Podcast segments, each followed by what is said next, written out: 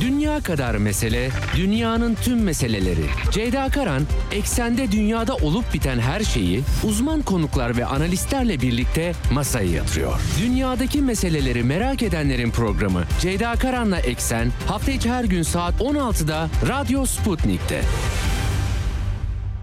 Evet Eksen'den tekrardan merhabalar. Bu- Bugün 28 Kasım 2022 Pazartesi haftanın başlangıcındayız. Dünyadan haberlerle karşınızdayız. Hafta sonu gündemi yoğundu. Hem Ukrayna sahası hem Orta Doğu.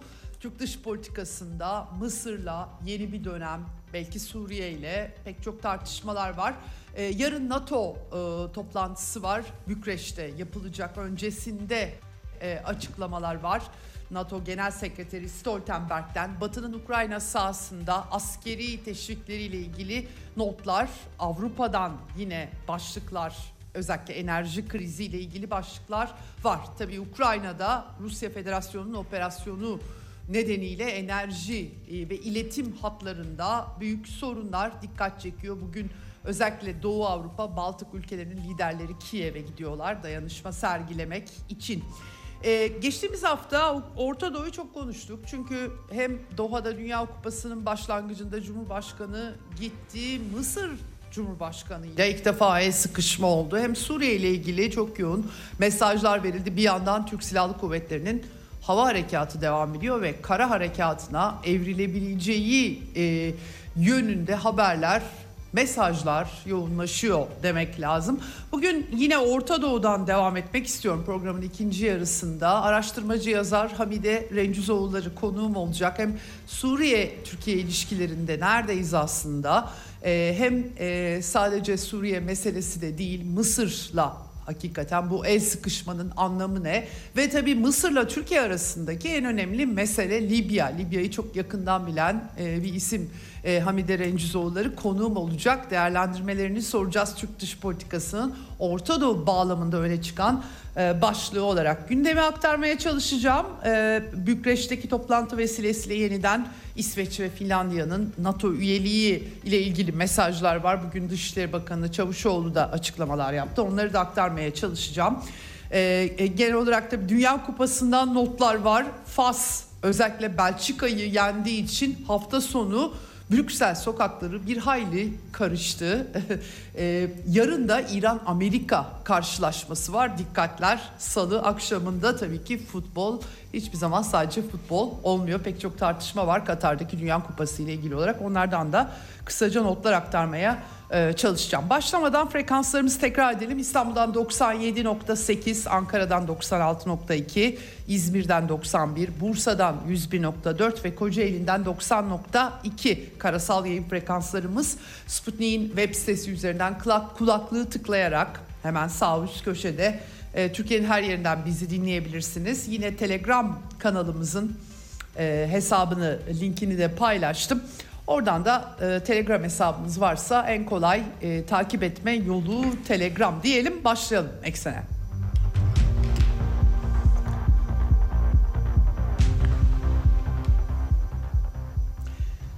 Evet şimdi kış saldırıları, e, kış saldırısı başlayacak mı? E, tartışmaları var Ukrayna'da.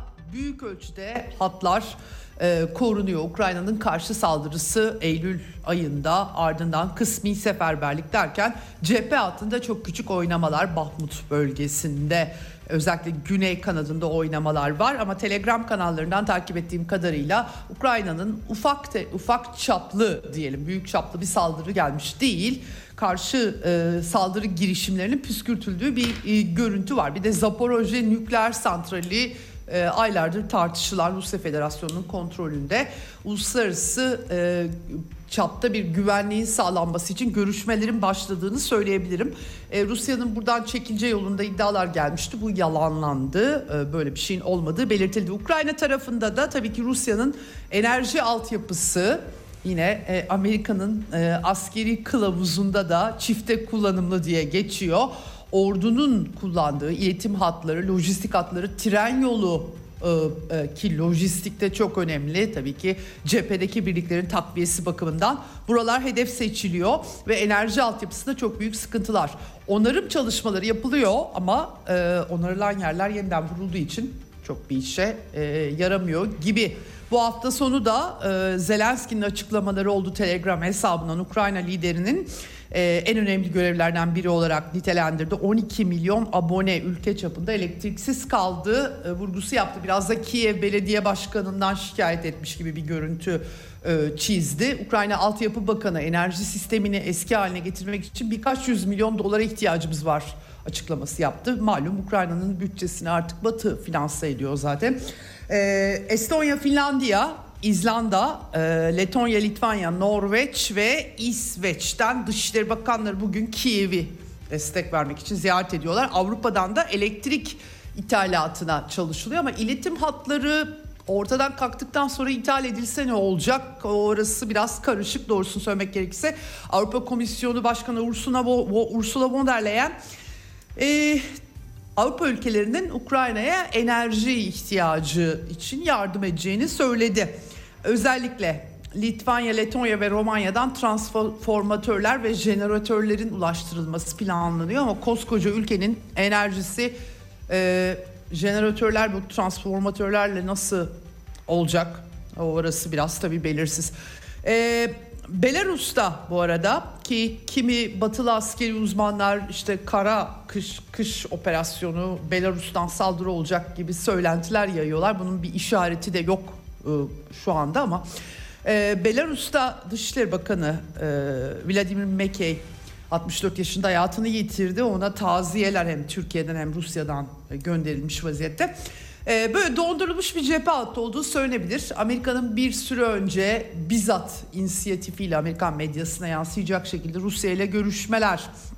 Ee, Amerika'nın Rusya'da maslahat güzar düzeyinde şu an temsil ediliyor. Büyükelçi ataması da bekleniyordu ama e, Kasım ortasında Ankara'da iki ülkenin istihbarat şefleri buluşmuştu. Burada nükleer riskleri konuştuklarını söylemiş Maslahat Güzar.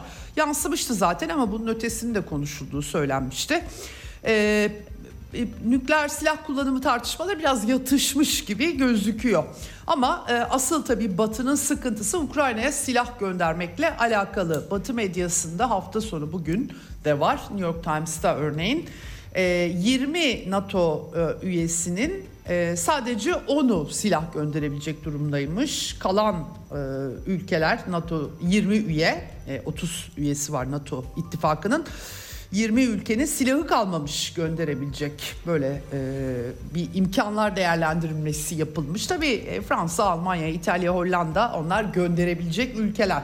E, ama e, Amerika'nın da bu arada derdi Wall Street Journal gazetesine bakılırsa e, o kadar çok Ukrayna'ya silah gidiyor ki Tayvan'a silah kalmıyor şeklinde. Bu konuda endişeler varmış efendim bunu paylaşmışlar. Bu arada e, tabii Ukrayna'daki silah sistemleri de vuruluyor. Boeing e, firması e, Pentagon'a ya biz iyisi mi işte ucuz küçük çaplı bombalar falan üretelim. Rusya toprakları bunlarla hedef alınsın gibisinden öneriler götürmüş. Bu arada giden silahların da bir kısmı CBS'in haberi bu da. Yani e, Ukrayna'da cephede yerine ulaşıyor mu? Çoğu kara borsada tarzında. Amerika içerisinde belki medyanın tartışmaları, eleştirileri diyebiliriz. Şimdi e, tabii e, NATO toplantısı yapılacak. Stoltenberg'in açıklamaları oldu öncesinde. 29-30 Kasım'da Romanya başkenti Bükreş'te yapılacak Çavuşoğlu Dışişleri Bakanı e, katılacak aynı zamanda. Öncesinde e, NATO Genel Sekreteri e, Alman Welt am Sonntag gazetesine konuşmuş. Ukrayna'ya verilen destek Batı ülkelerinin halklarına pahalıya mal oluyor ama bunu devam ettirmeliyiz. Barış desteklemenin en iyi yolu bu gibi bir açıklama yapmış. Bilemiyorum ne kadar iyi bir yol olduğunu. Şimdi tabii yarın NATO Dışişleri Bakanları toplantısı var. Daha çok e, e, İsveç ve Finlandiya'nın üyelikleri Haziran'dan bu yana işte neredeyse 6 ay oluyor. Hala e, iki ülke kaldı Macaristan ve Türkiye. E, Macar Başbakanı, Macaristan Başbakanı e, İsveç ve Finlandiya'nın NATO üyeliğini desteklediklerini dile getirmiş. Gelecek yıl ilk oturumda onaylanacağını söylemiş. Şubat ayı gibi e, deniyor. Tabii Türkiye ile bir e, takım sıkıntılar var Macaristan dışında. Ortak komite toplantısı yine Stockholm'da yapıldı Türkiye ile e, en son NATO zirvesinde e, kararlaştırılmış bir mekanizma vardı. İsveç Başbakanı ard arda açıklamalar yapıyor adamcağız. E, Ulf Kristersson Türkiye'ye verdiğimiz taahhütleri yerine getireceğiz, getiriyoruz şu bu falan ikna etmek için her şeyi yapıyor. Gerçi Dışişleri Bakanı Çavuşoğlu bugün yani henüz somut bazı adımları atmadılar. iadeler falan var demiş ama herhalde bunları yoluna koyacaklar. Böyle mesajlar var. Stoltenberg e, toplantı öncesi basın toplantısı yaptı. Bükreş toplantısı öncesinde tabii İsveç Finlandiya'dan bahsetti. E, ama onun dışında Ukrayna'ya desteğin altını çizdi bu toplantıda askeri olmayan desteğiyle konuşacaklarını ne işi varsa NATO'da onu bilemiyoruz ama bir de Çin'den bahsetmiş. Çin e, Çin'in oluşturduğu sınamaları da NATO ele alacak Asya'ya biliyorsunuz NATO'nun bir sarkma halleri e, vardı. Büyük bir hasım değil tabii Çin bize karşı ama işte geliştiriyorlar askeri kapasitelerini gibi gibi e, bir e, perspektif ortaya koymuş durumda. Polonya provokasyonuyla geçmişti Kasım'ın son günleri, son haftası diyelim. Polonya istihbaratı ya Rusya'nın bize saldırmaya falan niyeti yok diye bir rapor vermiş. Yani zaten Ukrayna saldırdı Polonya'ya ama olsun o dost ateşi olarak algılandı. Efendim e, Almanlar şimdi Patriot sistemleri Polonya'ya verecekler. E, efendim sınıra konuşlandıralım da hem Ukrayna'nın bir yandan hem Polonya'nın sahasını koruyalım gibisinden bir takım acaba nereye konuşlandırılır tartışmaları yapıyorlar. İngilizler de Brimstone 2 füzelerinden yüksek hassasiyete sahip olduğu belirtiyor bu füzelerin Ukrayna'ya sağlayacaklar. Böyle Avrupa'nın askeri desteği, askeri destek verirsek barış olur diye devam ediyor efendim. Ama tabii enerji kış artık geldi çattı. Ekonomist dergisi e, kapsamlı bir dosya hazırlamış. Kapak da çok enteresan. Türkiye'yi Avrupa'ya katmışlar böyle donuyor. Biz de donuyoruz. Niye biz donuyoruz onu çok anlayamadım ama e, genellikle Avrupa dışında sayıyorlar Türkiye ama haritada Türkiye'yi bu sefer koymuşlar. Bizi de dondurmuşlar bu arada. Yani Avrupa donuyor, Türkiye de donuyor. Benim bildiğim e, Türkiye'deki doğalgaz sıkıntısı Avrupa'daki gibi e, anılmıyor en azından. Ama tabii işte LNG pahalanacak falan filan pek çok tartışma vardı. Şimdi tabii e, The Economist dergisi ölüm oranlarını biraz böyle hava koşulları, istatistiklerle filan böyle bir toparlama yapmış modeller. Yani normalde işte e, kış şartlarına göre e, tabii gripler, mripler hani Covid'i Movid'i dahil etmemişler galiba ama yani e, şöyle bir şey söylüyorlar. Eğer sıcak geçerse ortalama ki geçen sene e, yaklaşık e, bir dakika yüzde yirmi birlik bir artış varmış haftalık ölüm oran, oranları vermişler ama e, kış sıcak geçerse ortalama 32 bin kişi e, civarında diyorlar. Eğer sert geçerse 335 bin çok yüksek rakamlar ama bilmiyorum pandemiden sonra bunlar nasıl karşılanacak hakikaten Avrupa'da hep beraber göreceğiz. Almanya ve Fransa liderleri Berlin'de buluştular. E, Olaf Scholz ve e, Fransa Cumhurbaşkanı değil ama Başbakanı Elizabeth Born e, ortak işte enerji arzının güvenliği için birlikte çalışma vurguları yaptılar. Son dönemde iki ülke ilişkileri epey bir gerilmişti. İşte Olaf Scholz'un Çin'e tek başına gitmesi, Macron'u almaması, enerji paylaşımı konusunda sıkıntılar yaşamışlardı. Belki bunları bir parça düzeltme maksatlı Almanya'da Der Spiegel dergisine bakılırsa Almanya milletvekilleri makam odalarının soğuk olmasından şikayet ediyorlarmış. Tabii kalın kıyafetler giymek zorunda kalıyorlar. Bundan biraz rahatsız oluyorlarmış. Almanya'da bu arada e, elektrik kesintileri yaşanabilir diye bir telaş hali olduğu gözleniyor. Mum üreticileri e, biraz da Noel de yaklaşıyor. Böyle güzel güzel renkli renkli rum, e, mumlar yapılır. E, ama tabii ekstra bir dönem. E, mum stoklaması yapıldığı yolunda bir takım iddialar var. Bilmiyorum ne kadar doğru bu. E, Almanya'da böyle. E, Danimarka'da da kiliselerin bir kısmı ayinleri iptal etmeye başlamışlar. E, çünkü soğuk havalar tabii. E, CERN, e, Avrupa Nükleer Araştırma Merkezi e, enerji tasarrufu için büyük hadron çarpıştırısının çalışmalarını planlanandan iki hafta erken durdurmuş. Tamam artık daha fazla enerji harcamayalım işler biraz sakat demiş. İtalya'da post faşist hükümet kuruldu. Giorgio Meloni hükümeti aktarıyorum size. İşte Pirelli e, ilk önemli bir e, lastik devi Pirelli Ee, enerji krizi uyarısı yapmış Avrupalılara. Marco Tronchetti Provera Pirelli'nin CEO'su e, Rusya'ya açılan yaptırım savaşıyla bağlantılı enerji krizi Avrupa'nın rekabet gücünü azaltıyor. Refahı kaybetme riski ortaya çıkıyor. E, tarih bunun demokrasiyi tehlikeye atmak anlamına geldiğini gösteriyor diye bir açıklama yapmış. Tabii İtalyan ekonomisi bu yaptırımlardan e, epeyce bir etkileniyor. Bu kışta göreceğiz Güney Avrupa ülkesi olarak. Avusturya'da e, demiryolu işçileri greve gidiyorlar. E, enflasyonun altında kalan bir maaş artışı önerisine Vida Sendikası itiraz etmiş durumda. 400 euro aylık artış istiyorlar. E, Avusturya Ticaret Odası onlar 200 euro veriyorlar. Dolayısıyla bir günlük uyarı grevi yapıyorlar. Tabii e, bu bütün bu krizler Amerika'nın e, fırsat bilip kar elde ettiği tartışmaları devam ediyor. E, bu arada Amerikalılar e, hafta sonu Venezuela petrolüne yönelik ambargoyu kaldırdıkları haberi geldi. Hazine Bakanlığı açıklaması dolayısıyla. E, bunu tabii Amerika hemen Maduro yönetimi muhalefetle Meksika'da masaya oturdu. Biz de tabii bizim istediğimizi yaptığı için onları ödüllendiriyoruz şeklinde e, sunuyor. Maduro hükümeti ta işi başından bu yana e, Amerika'nın atadığı e, muhalefetin en azından büyük bir kısmıyla görüşme çağrıları yapıyordu zaten. Amerika'nın Venezuela petrolü ile e, ilişkisi ile sınırlı bir durum yok tabii ki burada ama hani Amerikalılar öyle sunuyorlar. Biz aslında Maduro yönetimiyle bir işimiz yok ama yani ne yapalım hani muhalefetle konuşmuşlar biz de Chevron e, şirketi orada operasyonlar yürütüyor. 6 ay boyunca petrol çıkarma ve petrol ürünleri üretme e, lisansı ve Amerika pazarına tabii ki tedarik etme lisansı vermiş durumda. OPEC toplantısı, OPEC artı Rusya'nın da bulunduğu e, grubu toplantısı Aralık başında 3-4 Aralık'ta toplanacaklar. Bakalım oradan ne çıkacak? Ekim toplantısı 5 Ekim'de petrol kısıntısı 2 milyon varil azaltma kararı epey bir tartışma yaratmıştı malum. Ee, bir de tabii e, e, hafta sonu düştü aslında cuma günü tabii eksenin saatlerinde ben görmemiştim. E, Facebook ve Instagram platformlarının bağlı bulunduğu teknoloji devi e, Meta'nın bir açıklaması çok dikkat çekici. Amerikan ordusunun Rusya, İran, Suriye başta olmak üzere farklı coğrafyalarda e, bir takım sahte hesaplarla propaganda kampanyası yürüttüğü tespit edilmiş. Kendileri etmişler, yasaklamışlar bu hesapları.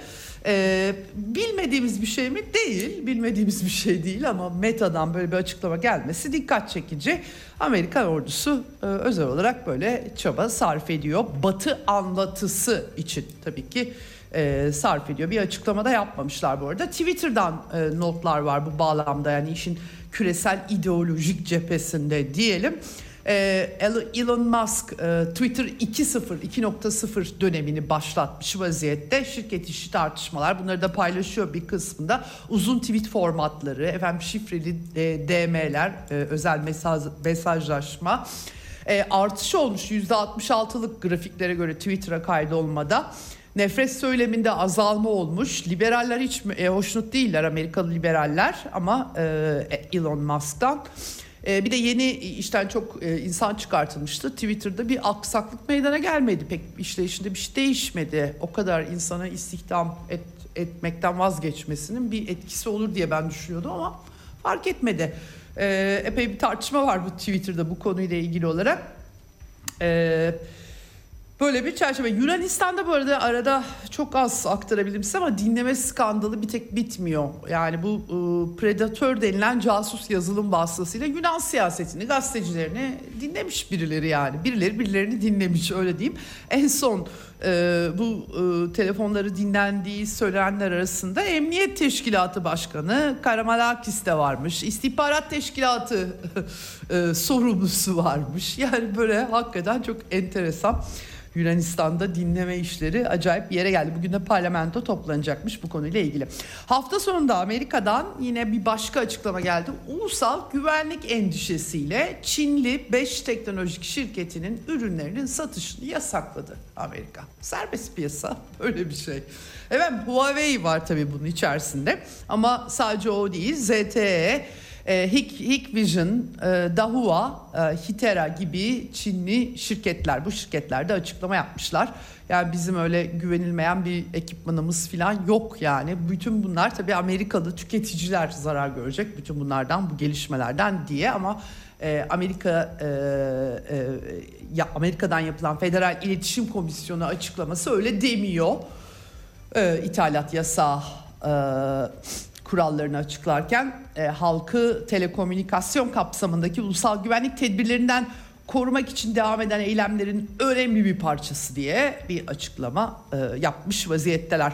E, Xi Jinping ile Joe Biden buluşalı işte iki haftayı geçti. G20 zirvesi öncesinde buluşmuşlardı ama e, Çin ile ticaret savaşının böyle teskin olacağına dair herhangi bir işaret falan gözükmüyor e, Amerika çerçevesinde. Çin'de de bir Covid e, sıfır Covid politikası toplumsal düzenin devamı için hiç hiç Covid'de yakalanan olmayacak diye bir şey yok. Zaten bütün bu pandemi sırasında en az etkilenen Çin aslında bakarsak çok sıkı tuttular işleri halk sağlığı açısından ama Tabii şimdi özellikle omikron e, varyantıyla bir e, en son 3822 yeni vaka. Aslında Türkiye'deki rakamlara da baktım. Bizde de hiç fena değil ama çok konuşulmuyor artık. Pandemi geçti zaten. Böyle bir, bir dönemde geçti gitti gibi batıda.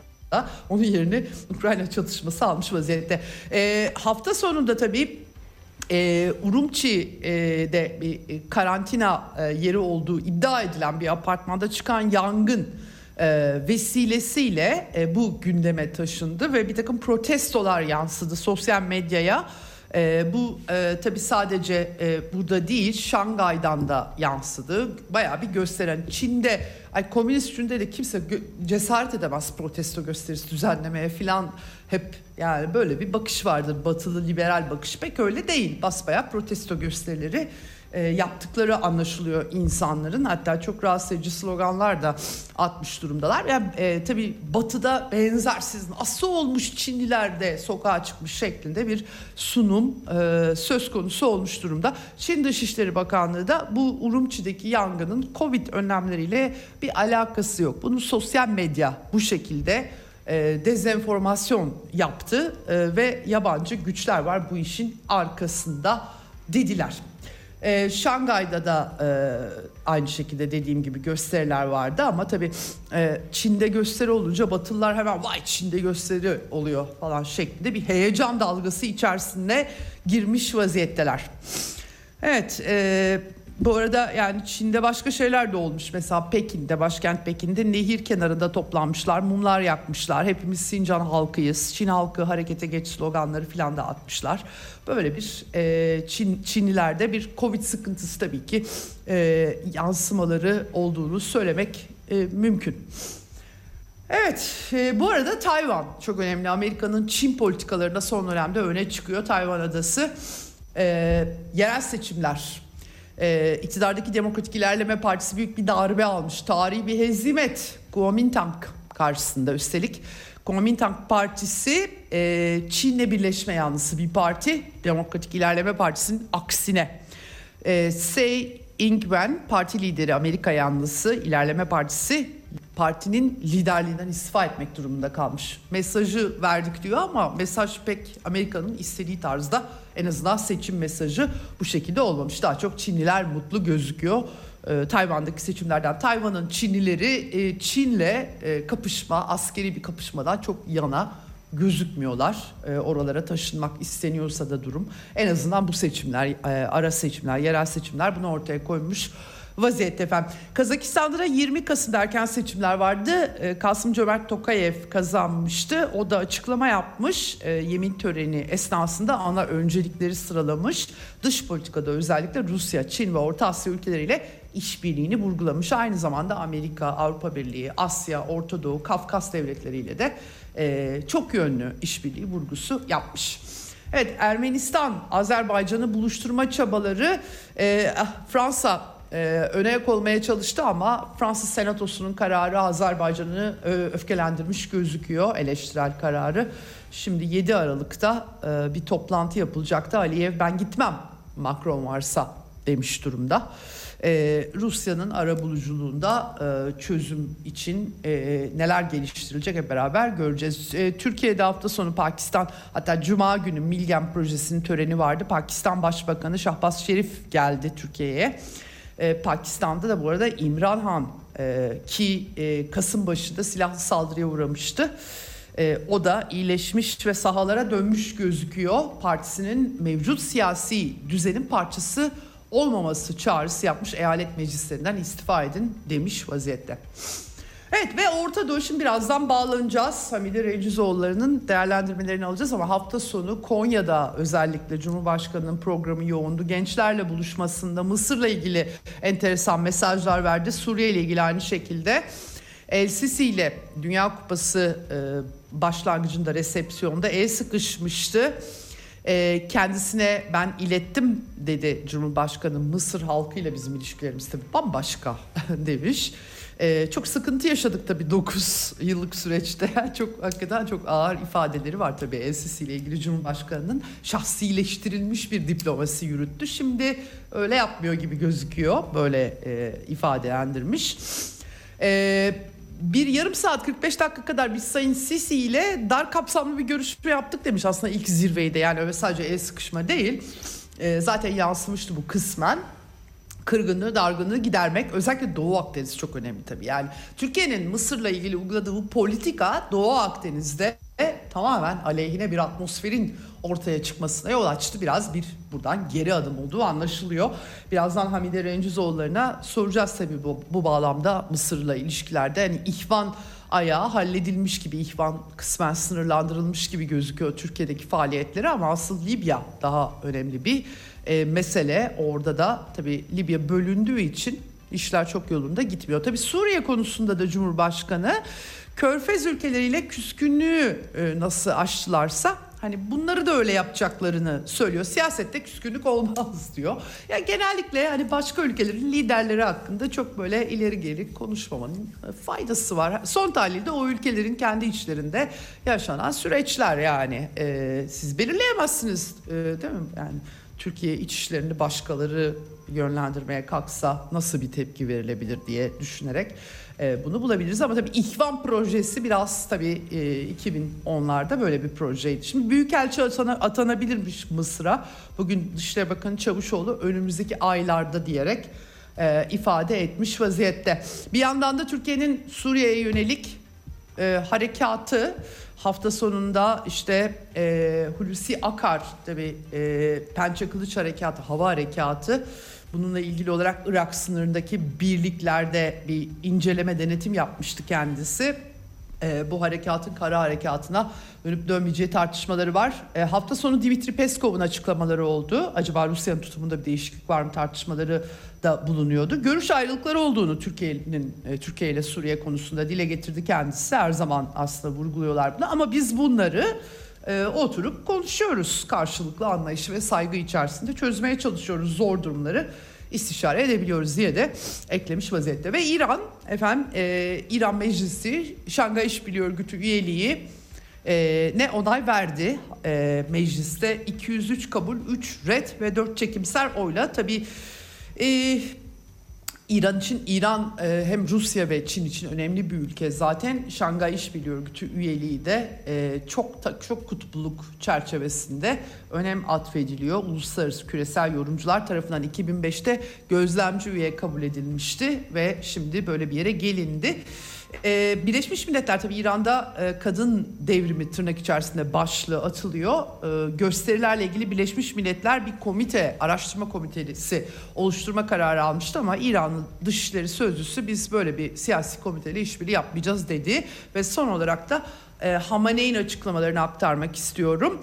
E, İçeride çok ciddi tartışmalar yapılıyor tabii İran'da. Hani dışarıdan görül e, bakılınca belki görülmüyor olabilir ama e, Amerika ile bu sorunları çözelim diyen bir muhalefet var. Hamaney e, Amerika ile müzakere etmenin İran'ın hiçbir sorununu çözmeyeceğini, bu ABD'ye fidye ödenmesi anlamına geldiğini ve bunun bir kereye mahsus olmayacağını mütemadiyen fidye ödeyecekleri saptaması yapmış. Tabii bu arada da güvenlik güçlerine e, göstericilere sert davranmasını da açıkça söylemiş gözüküyor efendim e, İran. Evet şimdi Orta Doğu'dan bahsederken hemen e, konuma dönmek istiyorum. Hamide Rencizoğulları telefon hattımızın diğer ucunda. Hoş geldiniz yayınımıza. Hoş buldum. İyi yayınlar diliyorum. Çok teşekkür ediyorum katıldığınız için. Şimdi son bir bir haftalık bir süreçte tekrardan e, daha çok Ukrayna temelli küresel gelişmeler tabii başka ülkelere de bakıyorduk ama Orta Doğu bir süredir çok böyle sakin e, gidiyordu. Şimdi özellikle Türk dış politikası bakımından biraz canlanmış gözüküyor. Ee, öncelikle Suriye'den e, e, başlayarak sormak istiyorum. Hakikaten büyük bir değişiklik var mı? Ee, Suriye'ye Türkiye hem kara harekatından bahsediyor ee, hem de e, Suriye Cumhurbaşkanı'yla bu arada El Sisi ile hakikaten bir görüşme oldu Katar'da. Ee, Suriye Cumhurbaşkanı ile görüşme e, siyasette küslük olmaz tarzında tekrar tekrar söylenen açıklamalar gündeme taşındı. Bir e, büyük bir değişiklik var mı Suriye ile ilgili olarak? Sizin duyumlarınız e, nedir? Öncelikle bunu sorarak başlayayım. Teşekkür ederim. Öncelikle Suriye açısından herhangi bir değişiklik yok. Yani ilk Aha. defa Türkiye dillendirdi. Ee, ayaküstü e, Dışişleri Bakanlarının bir görüşmesinin ardından Moskova ziyaretinden sonra e, Cumhurbaşkanı Tayyip Erdoğan da dillendirmeye başlayınca o zaman e, bu mesele Suriye'nin gündemine girdi yoksa gündemlerinde bile yoktu. Ve şöyle gündemlerine girdi e, Suriye Dışişleri Bakanı Faysal Mikdad Moskova ziyaretinde oradan bir açıklama yaptı. Eğer ki Türkiye'nin niyetleri varsa şartlarımız şunlar Evet. şunlar diye.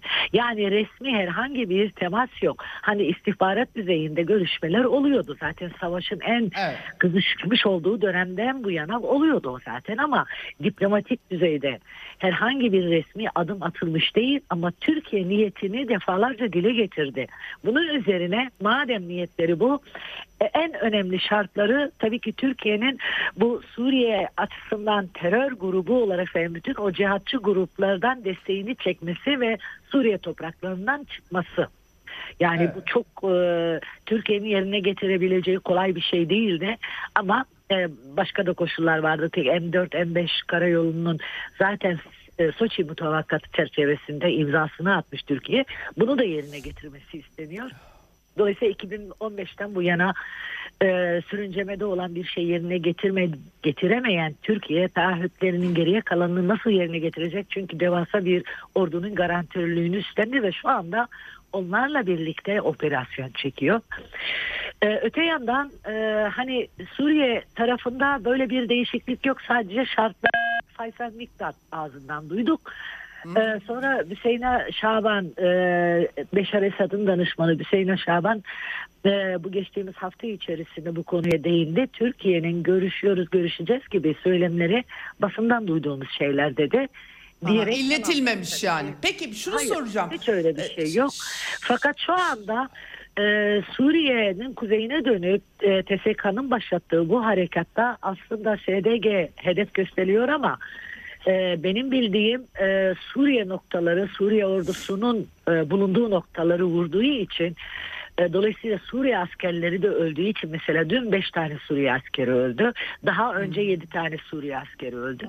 Ve bu işte Suriye askerlerine yönelik bu bombardımanın e, kendisine baktığımızda Türkiye'nin talepleriyle yaptıkları çok taban tabana zıt görünüyor. Peki Şam'da şöyle bir do- e, gündem var mı? Yani şimdi Amerikan varlığı yasa dışı e, öyle e, algılıyor e, Suriye hükümeti Evet. E, ve bir ayrılıkçılık dosyası var tabii ki. Evet. Ve Ankara'dan verilen mesajlar da biraz sanki e, hani ayrılıkçılıkla birlikte mücadele etmek tırnak içerisinde bu bu şekilde. E, tabii İdlib meselesi Suriye'nin e, rejim değişikliği e, de en öne çıkan e, e, yani siyasal İslamcılar olduğunu biliyoruz. Bu, bu Evet. gündem bakımından böyle bir ayrılıkçılık gündemi de Suriye Suriye'nin yok mu? E, bu, bu bağlamda nasıl görmek lazım? E, ö- büyük önem Ben- atfedilip edilmediği. Evet ben şöyle özetleyeyim izlediğim kadarıyla zaten Suriye hükümeti e, Türkiye'nin terörist dediği o gruplara terörist demiyor. Suriyeliyiz ve biz kendi içimizde çözeriz diyor. Ha ayrılıkçı diyor ama ABD'nin yasa dışı varlığında varlığını da e, reddediyor. Aynı şekilde Türkiye'nin de yasa dışı varlığını reddediyor. Yani ABD ile Türkiye'nin Suriye'deki varlığını eşit düzeyde değerlendiriyor. Türkiye'nin e, oradaki Kürt gruplara bakışıyla aynı değil Şam hükümetinin bakışı. Fakat Türkiye'nin bu tehditleri altında Şam hükümeti Kürtlerle uzlaşmak istiyor. Bu da doğru. Yani aslında şöyle diyebiliriz. Türkiye'nin sopasıyla bazı şartları kabul ettirmek istemiyor değil. Mesela e, Rusya'nın öncülüğünde yürütülüyor bu görüşmeler. Türkiye'nin bu kara harekatı operasyonu başlatacağı öngörüldüğü günden bu yana sürekli SDG ile görüşmeler yapılıyor. O, Türkiye'nin boşaltılmasını istediği M5, e, M4 karayolunun güneyine kadarki bölgenin Suriye hükümetine devredilmesini talep ettiler. Ama sürekli reddetti SDG. Hani e, Türkiye'nin e, ne derler sopasıyla SDG ile uzlaşmak istemiyor değil. Bu doğru. Fakat aynı bakmıyor Türkiye ile. Evet ayrılıkçı e, ayrılıkçı düşünceye izin vermeyiz diyor ama yasa dışı varlığı hem SDG'yi koruyan Amerika hem cihatçıları koruyan Türkiye Türkiye. için Evet. Evet. kullanılıyor bu cümle. Evet. Peki gelelim Mısır'a. Ee, şimdi tabii e, Cumhurbaşkanı'nın Konya'da yaptığı açıklamalar gerçekten çok dikkat çekici Mısır bağlamında. Sadece bir el sıkışma olmadığı anlaşılıyor. Hatta 45 dakika kadar bir görüşme de yapmışlar. Cumhurbaşkanı'nın söylediklerinden dar kapsamlı bir görüşme diye kendisi dile getirdi ama e, Büyükelçi atanacak şimdi. Gerçekten bir yeni dönem başladı mı e, bu e, çerçevede? Yani zaten başlamış bir şey vardı ama tabii liderlerin e, çok şahsi e, kişisel hakaretler de söz konusu olduğu için geçmişte e, liderlerin buluşması bambaşka bir dönemin açılmasına vesile sayılıyor. Böyle midir? Nasıl zorluklar var ve Libya bu bağlamda nereye oturuyor? İkisini bir arada mı istiyorsun? E, o olabilir yani hani bağlantıları var diye bir ekledim. Ta- tamam peki. Şimdi e, yani e, Mısır e, basını izliyordum. E, bu Katar'daki e, Dünya Kupası'nın ilk gününde açılış törenine gittiler biliyorsunuz ve orada yansımıştılar. O ilk gününde Mısır basınının başlığı çok ilginçti. E, işte Dünya Kupası'nda ilk golü Sisi attı şeklinde yazdılar. Bunu kaçırmışım evet. Ve bunun altını, evet. bunun altını da çok rahat doldurabiliyorlar. Çünkü 2014'ten bu yana Sisi'ye darbeci, zalim, e, diktatör, e, işte e, Müslüman kardeşleri için Rabia selamıyla gezildi vesaire. Ama ondan sonra geçen yıl e, sanırım bahar aylarında e, Dışişleri Bakanları düzeyinde görüşmeler başlatıldı. Daha doğrusu görüşme değil. E, normalleşme için, istişarede bulunmak için e, yollar mümkün mü diye bir ön görüşme, bir alt Evet. e, Evet. yapı taraması, fizibilite tar- taraması yapıldı. Onun bile etkisi çok büyük oldu.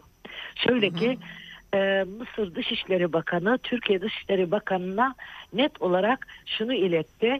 E, Müslüman kardeşlerin, Türkiye himayesindeki Müslüman kardeşlerin e, e, Mısır aleyhine e, yayın yapmalarını engelleyeceksiniz. E, Libya'dan elinizi çekeceksiniz. Birincisini yerine getirdi Türkiye. Hemen.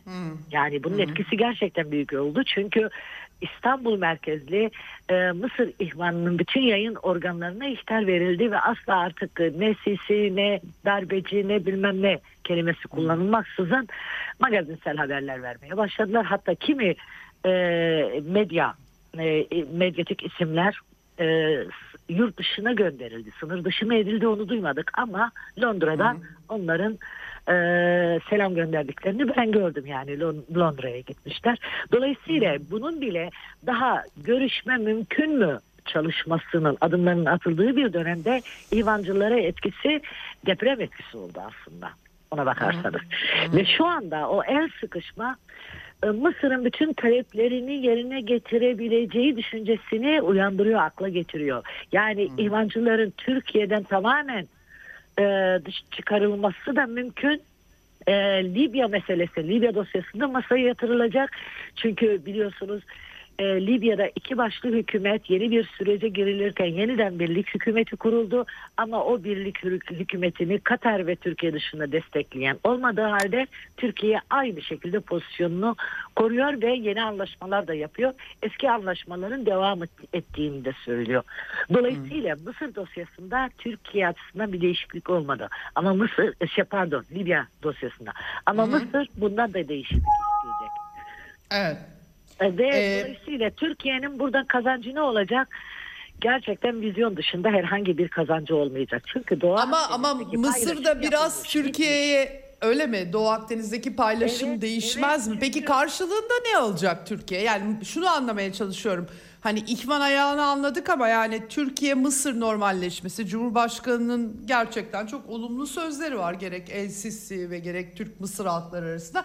Yani Türkiye karşılığında tam olarak ne bekliyor? Ne elde edebilir? Hiçbir şey elde etmeden herhalde olmaz. Siyasi söylem açısından e, o onurlu yalnızlıktan e, işte yeniden sıfır soruna gidiş sürecini başlatmak istiyor. Hmm. Bu süreçte çünkü e, bütün ekonomik kazanımlarını, diplomatik siyasi kazanımlarını kaybetti. Siyasi açıdan hani e, ticaretin, ekonomik işbirliğinin yeniden başlaması bir kazanç Türkiye için. Ama Doğu Akdeniz'de Mısır'la barışsa da e, çözebileceği bir şey yok. Çünkü Libya ile yaptığı anlaşma Türkiye'nin aslında haklarından vazgeçmesi anlamına gelen bir anlaşmadır. Dolayısıyla orada değişen bir şey yok. Ondan vazgeçmiş olacak. Ee, münhasır ekonomik bölgelerde yeniden paylaşım olur mu? Türkiye'nin tutumuna bağlı ama bu AKP ile olur mu? Çok öngörülmüyor. Öyle diyebiliriz size. Bu arada Libya ile noktayı koyalım. Ee, Libya'da şu anda e, e, şu anda değil ta- zaten 2014'ten bu yana iki hükümet var, iki başlı iktidar var. Ee, Tobruk hükümeti Birleş, e, Birleşmiş Milletler'in e, atadığı o birlik hükümetinin görev süresi bitti diye zaten onu tanımıyor ve şeyi güven oyunu geri çekmişti. Şu anda yetkisi ve görev süresi bitmiş bir Trablus hükümeti var. Hatta çok ilginç bir şey söyleyeyim. Ee, karşı kıyıdaki komşuları Yunanistan onları tanımıyor ve e, Yunanistan Dışişleri Bakanı'nın Libya ziyaretinde aslında direkt Bingazi'ye gidecekken Birlik Evet. hükümetinin başbakanı rica etmiş e, işte o bir görüşelim diye.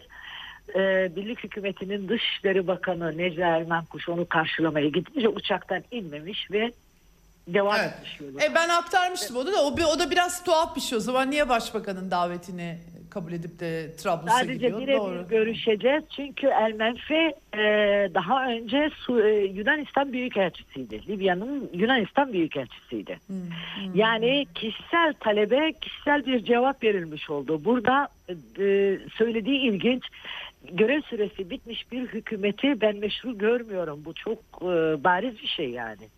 Dolayısıyla Libya ne seçimini yapabildi, geçen Aralık ayında seçimini Evet. yapacaktı. 5 artı 5 artı 5 e, askeri komisyonun e, işte o, o milisleri e, Suriye e, şey Libya o ulusal ordusu çatısı altında birleştirecekti. E, yabancı paralı askerleri ülke dışına çıkaracaktı. Bunların hiçbirisiyle ilgili somut bir adım atılmadığı için Libya aynı yıkım halindeki ve e, iktidarsız bir Libya diyebiliriz. Evet. Peki çok çok teşekkür ediyorum ee, sevgili Hamide Rencizoğulları. Ee, hakikaten detaylı bilgiler e, almış oldum sizden. Libya'daki son durumla ilgili özellikle e, Mısır'daki algılar hakikaten hep beraber takip etmeye devam edeceğiz. Çok teşekkür ediyorum. Ben teşekkür ederim. İyi yayınlar diliyorum. Evet hakikaten zorlu bir süreç. Burada e, Türkiye e, tabii e, bu normalleşme ve dış politikada gerçekten yumuşak görünüm e, içerisinde öyle anlaşılıyor. Çok çok sert bir dönemden sonra geldiği için tabii herkesin kaçınılmaz olarak dikkatini çekiyor. Ama hani Mısır bağlamında ne elde edebilir bütün bu olup bitenlerden?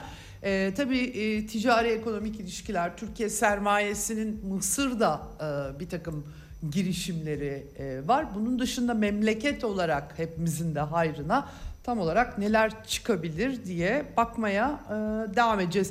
Libya daha karışık bir dosya ben hep aktarıyorum size. E, Batı tarafından rejim değişikliğiyle bölünmüş bir ülke. E, bunun sadece bir kanadıyla anlaşma yapmak sizin pek sorunlarınıza çözüm üretmiyor. Zaten Libyalıların sorunlarına bir çözüm bulmak bir, pek mümkün gözükmüyor. BM hükümetiyle vesaire tekrardan birilerinin e, kazanması lazım Libya'da yani bir taraf kazanmadan da böyle uzlaştırmalar maalesef olmuyor işte yani bir sonuçta e, vermiyor. Türkiye'nin tabii Doğu Akdeniz bağlamında çok sıkıntıya düştüğü, düştüğü bir resim var gibi ama öte yandan da Trablus'taki yapının da en önemli savunucusu Ankara gibi gözüküyor. Bakalım Mısır'la e, yeni dönem o Libya dosyası Mısır için çok önemli olduğu için aynı zamanda gelişmeleri nasıl etkileyecek göreceğiz.